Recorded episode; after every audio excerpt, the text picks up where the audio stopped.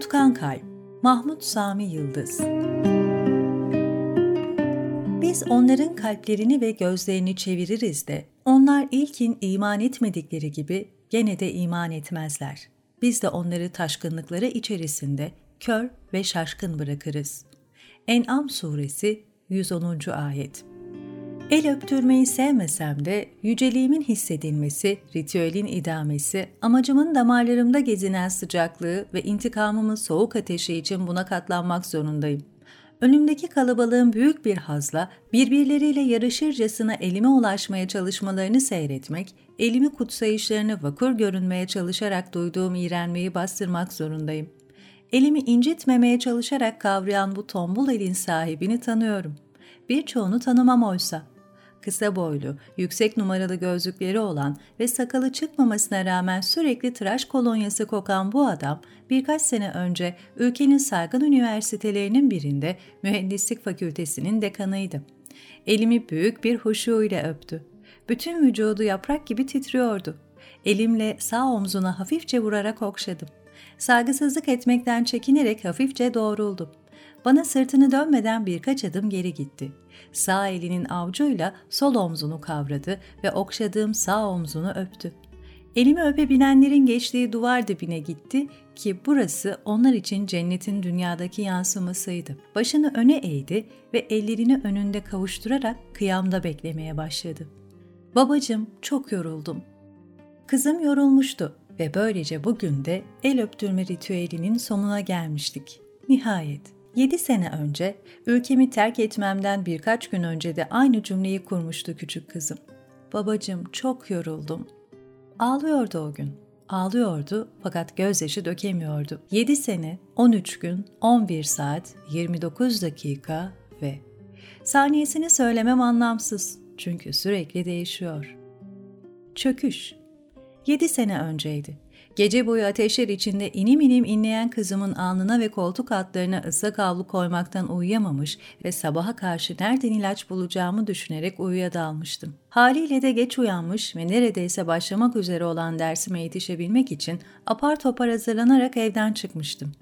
Kampüse girmiş fakat fakülteye henüz ulaşamamıştım ki hocası olduğum Edebiyat Fakültesi bir savaş uçağı tarafından hangi harfin ve hangi sayının yan yana gelmesiyle oluştuğunu bilmediğim modeldeki bir savaş uçağının yine hangi harfle hangi sayının yan yana gelmesiyle oluştuğunu bilmediğim tipteki bir füzesiyle bombalanmıştı. Kızım hayatımı kurtarmıştı.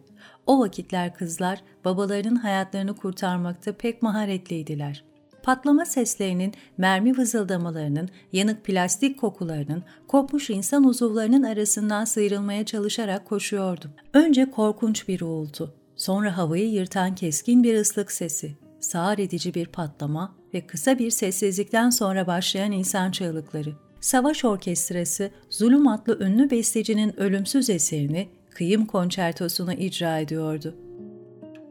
Bir an önce evime ulaşmak, karımı ve kızımı alıp artık yaşanmayacağına kanaat getirdiğim ülkemi terk etmek istiyordum. Savaşamazdım. Elime hiç silah almamıştım. Benim silahım kalemimdi.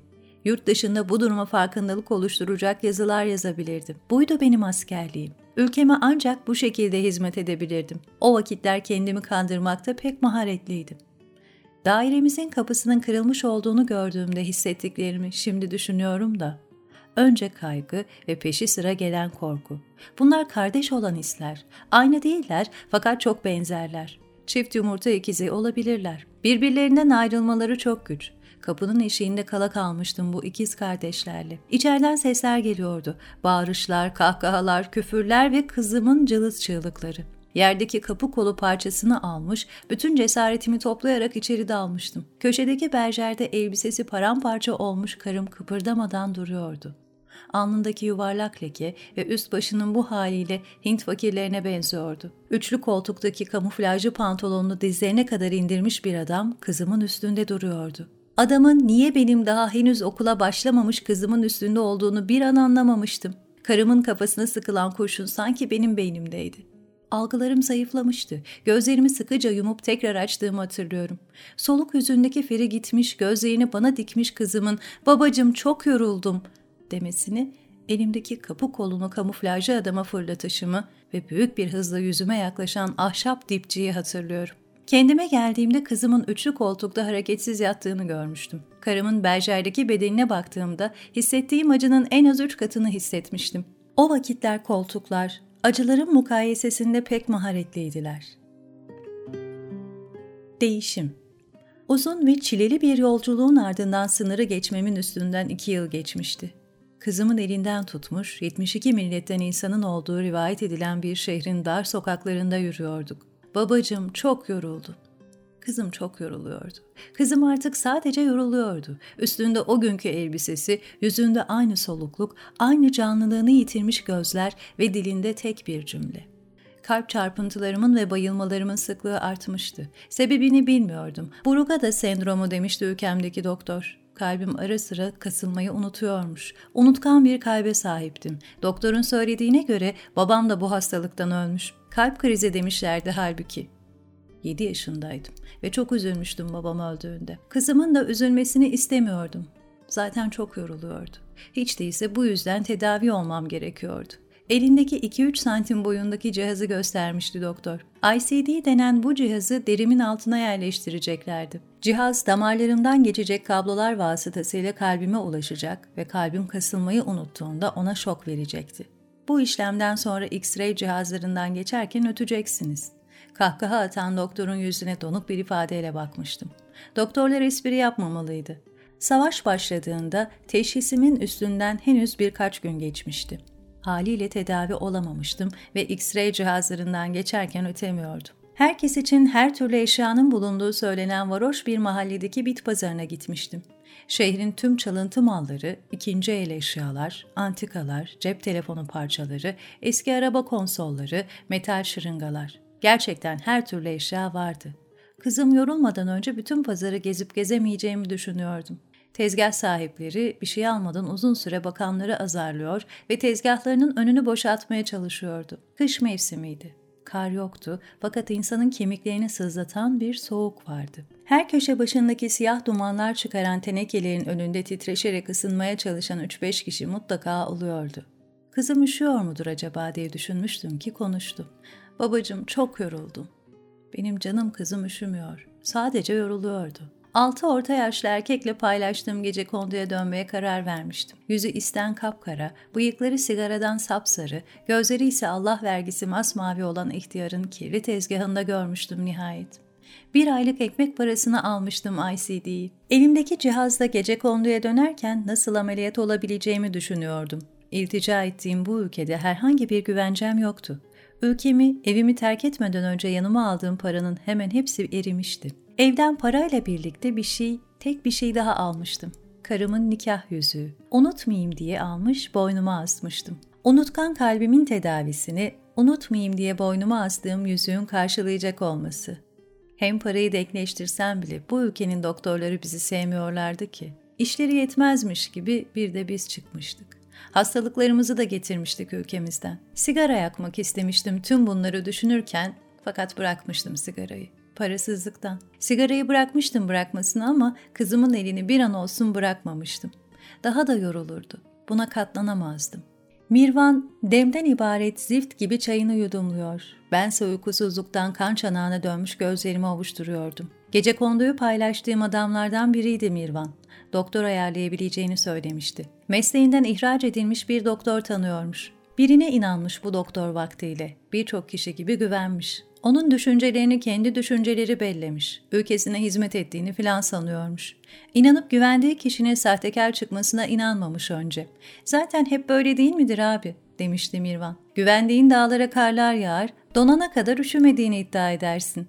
İş işten geçtiğinde anlamış doktor. Anlamış anlamasını ama nafile. Ülkesine ihanet eden bu sahtekara inanan herkes gibi ihraç edilmiş mesleğinden. Fakat bakması gereken bir ailesi var. Adam iyi doktor, yamuk yapmaz demişti Mirvan.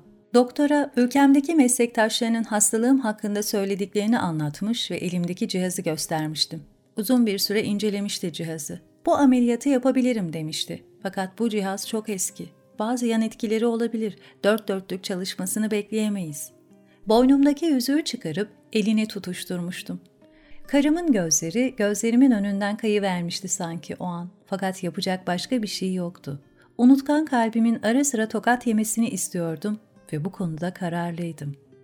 Ameliyat başarılı geçmişti fakat doktorun bahsettiği gibi bir sorun çıkmıştı. Cihaz eski olduğundan olsa gerek kimi zaman durduk yere kalbime şok veriyordu. Böyle zamanlarda tüm vücudum birden titriyor, göğsüm sıkışıyor, kalbim göğüs kafesimi parçalayacak kadar hızlı atıyor ve gözlerimin önüne bir perde iniyordu. Ben de aklıma gelen ilk şiir dizesini ya da ne bileyim roman cümlesini söyleyerek kendime gelmeye çalışıyordum. Neyse ki kızım hep yanımdaydı. Mirvan da öyle. Üstelik Mirvan yorulmuyordu. Yükseliş Ameliyat olduktan beş ay kadar sonraydı. Mirvan'la birlikte cuma namazına gitmiştik. İmam hutbede ashab-ı ikramdan bahsediyordu. Babacım çok yoruldum. Yanı başımda dikilen kızım yine çok yorulmuştu. Tam bu sırada göğsümün sol yanında bir seyirme hissetmiş ve Mirvan'a tutunmuştum. Dudaklarımın kuruduğunu, gözlerimin yuvalarından fırlayacak gibi açıldığını, göğsümün üzerinde bir fil oturmuş gibi ezildiğini hatırlıyorum. Gözlerim kararmıştı. Kendime geldiğimde imam elimi tutuyordu. Efendim, camimize gelerek bizi şereflendirdiniz. Buyurun lütfen, biz gafilleri sizin arkanızda namaz kılmaktan mahrum etmeyin. Neler olduğunu anlayamamıştım. Gözlerim kararmıştı. Kendime geldiğimde imam elimi tutuyordu. Efendim, camimize gelerek bizi şereflendirdiniz. Buyurun lütfen. Biz gafilleri sizin arkanızda namaz kılmaktan mahrum etmeyin. Neler olduğunu anlayamamıştım. Dilim tutulmuştu. Ne söyleyeceğimi bilemiyordum. Afallamış bir halde kalkmama yardım eden Mirvan'ın suratına bakıyordum. Başıyla mihrabı işaret etmişti. Cemaatteki herkes gibi o da hürmetten kusur etmemeye çalışan biri gibi ellerini önünde kavuşturmuştu. Kafa karışıklığıyla mihraba gitmiştim. Kamet getirilirken kızım yine çok yorulduğunu söylediğinden Fatiha'dan sonra birinci rekatta Kevser, ikinci rekatta da İhlas suresini okuyup selam vermiştim. Elimi öpmek için yarışan cemaatten sıyrılıp soluğu Mirvan'ın yanında almış ve neler olduğunu sormuştum. Abi senin şu cihaz her zamanki gibi şokluyordu herhalde. Kolumu öyle bir sıktın ki morardı vallahi demişti sahile inen dar sokaktan geçerken. Sonra birden Allah diye bağırdın. Gözlerin ters döndü sanki. Sadece göz akların görünüyordu. Cemaat şaşırıp bize döndü tabii. Fatıma Tüz Zehra'yı çaldılar. Kur'an'ın ilk nüshasını sattılar filan diye bağırarak bir şeyler söyledin. Yemin ederim dayak yiyeceğimizi düşündüm o an. Şiiri hatırlamıştım. Demek bu şiiri seçmişti zihnim kendime gelebilmek için. Meczup, Allah dostu, evliya, Hızır gibi sözlerle dalgalandı birden cemaat. İmam minberden inip yanına geldi. Gerisini biliyorsun işte. Şaşırmıştım. Şaşırmış mıydım? İnsanlar böyleydi. Önce bir kutsal icat ederler sonra da körü körüne ona tapınırlardı. Putlardan tutun da süper kahramanlara kadar hepsi ama hepsi bu kutsallık, ulaşılabilecek kutsallık ihtiyacının sonucunda ortaya çıkmıştı. Doktoru anımsamıştım. inancını, güvenini. O gün vermiştim kararımı. Ülkemin, insanlarımın, eşimin ve yorgun kızımın intikamını alacaktım. İcat ettikleri gibi bir evliya olacak, kendi ordumu kuracaktım. Kalabalık mabetlerde kalbimin tokatlanmasını bekleyerek, bunu umut ederek geçirmiştim sonraki günlerimi. Birçoğunda da bu gerçekleşmiş, kendimden geçmiştim. El pençe divan önümde duran kişi sayısı günden güne artıyordu.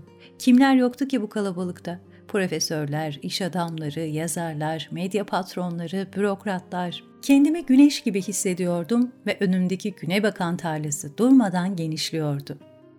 Her adamımla birlikte katman katman açılan insan koridorunda önümde kızım, arkamda Mirvan'la yürüyorken bir anda olduğum yere mıhlandım. Beni ameliyat eden doktor buradaydı. Koridorun tuğlalarından biriydi. Göğsüm seyirdi, kalbim, dudaklarım. Babacım, çok yoruldum.